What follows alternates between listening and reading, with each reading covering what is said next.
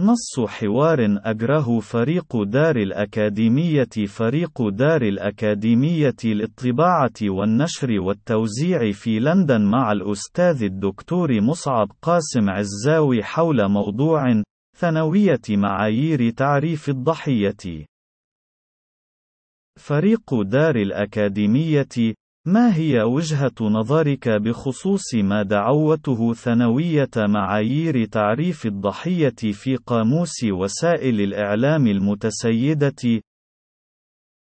مصعب قاسم عزاوي يقوم عمل وسائل الإعلام المتسيدة أساسًا بكونها أدوات تنفيذية في يد الفئات المهيمنة على مصادر الثروة والسلطة في المجتمع التي تعمل بها، وبأنها تعمل بشكل دائم للحفاظ على استدامة تلك الهيمنة وتوطيد مفاعيلها والحرص على عدم حدوث أي تهديد حقيقي فعلي لاستمراريتها ووجود جهدها البنيوي والوظيفي ومن جملة وسائل توطيد الهيمنة تبرز موضوعة صناعة صورة الضحية بكونها أحد أكثر الوسائل استخدامًا وتأثيرًا بنفس الوقت، ويقوم نهج صناعة صورة الضحية على ثانوية ثابتة غير قابلة للتغير أسها بأن أي الضحايا من البشر أو الزرع أو الضرع ضحايا ذو قيمة عليا حينما يكون مصدر الحيف الواقع عليهم من مصدر تخالف توجهاته ونهجه أهداف ومصالح الفئات المهيمنة التي تعمل لصالحها وسيلة الإعلام التي تقوم بتغطية الجريمة النكراء التي وقعت بحق أولئك الضحايا ذوي القيمة والأمثلة على ذلك النسق الأخير من الانحياز التعريفي عديدة يستعصي حصرها على كل متابع مدقق لكيفية عمل وسائل الإعلام المتسيدة. وكمثال حي يرزق يمكن الإشارة إلى حكاية المناضلين الخلبيين من المدافعين عن الديمقراطية وحقوق الإنسان من قبيل المعارض أليكسي نافاني الذي تصادف أنه قام برفع صوته مجاهرا برفضه لسياسات فلاديمير بوتين الاستبدادية في روسيا وهي سياسات تستحق كل أشكال الإدانة فعليا ولكن لكن دون تحويل شخص نفالني العنصرية المقيتة والذي لم يخف عنصريته المتقيحة ضد الملونين في غير مرة إلى ضحية على شاكلة المصلوبين من الأطهار الأخيار والذي لا بد من تقديس تضحياتهم بكرة وعشينا وعلى المقلب الثاني يبرز مفهوم الضحايا الذين لا قيمة لهم بكونهم الضحايا المباشرين أو الجانبيين لأفعال الفئات المهيمنة والتي تتحكم بوسائل الإعلام التي لا بد لها من تغطية ما لما وقع بحق أولئك الضحايا المنسيين وبشكل عكسي لحالة الضحايا ذوي القيمة، فإن عين وقلب وعدسات ومكبرات صوت وسائل الإعلام تصبح عمياء صماء بكماء عن حال أولئك المعذبين كما لو أن لا قيمة لمعاناتهم لكونها ناتجا مباشرا لأفعال الفئات المهيمنة المتحكمة بوسائل الإعلام تلك التي كان يفترض بها نظريا القيام بواجبها الإعلام. الإعلامي بحيادية خلبية لا وجود عيانيا مشخصا لها.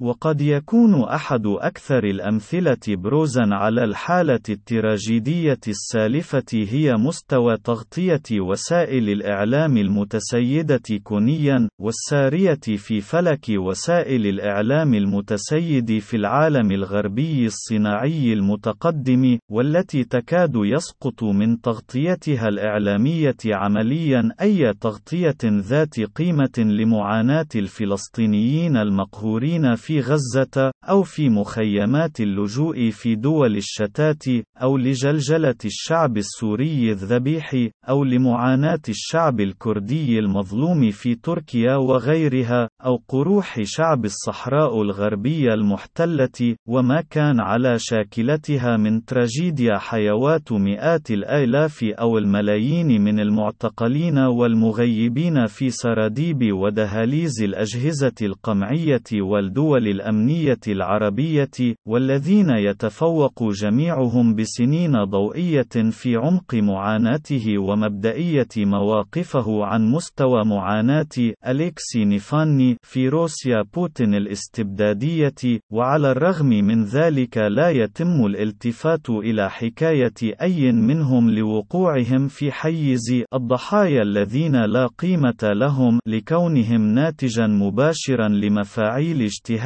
وكلاء ونواطير وعملاء الفئات المهيمنة في الغرب، والتي تتحكم في جل الناتج الإعلامي على المستوى الكوني، وهو ما يستدعي غض النظر التكتيكي عن عمق وهول معاناتهم، وهي المقاربة التي يمكن أن تتغير بسهولة في حال تفكر أي من أولئك العملاء والوكلاء والنواطير بالتفلت من اشتراط ارتهانه بالعمل لصالح أولياء نعمته واستدامة وجوده في العواصم الغربية، وهو ما يستدعي حينئذ رفع سواتر غض النظر التكتيكي السالفة الذكر، ونقل ضحاياه من حيز الذين لا قيمة لهم إلى حيز الضحايا ذوي القيمة لتأجيج طبول إيوار اللهيب الذي لا بد أن يحرق أو يدمر أو يفني أو ينقلب على ذلك الناطور العبد الذي تفكر بالاستقلال عن أسياده كما كان في حالة الحكاية المأساوية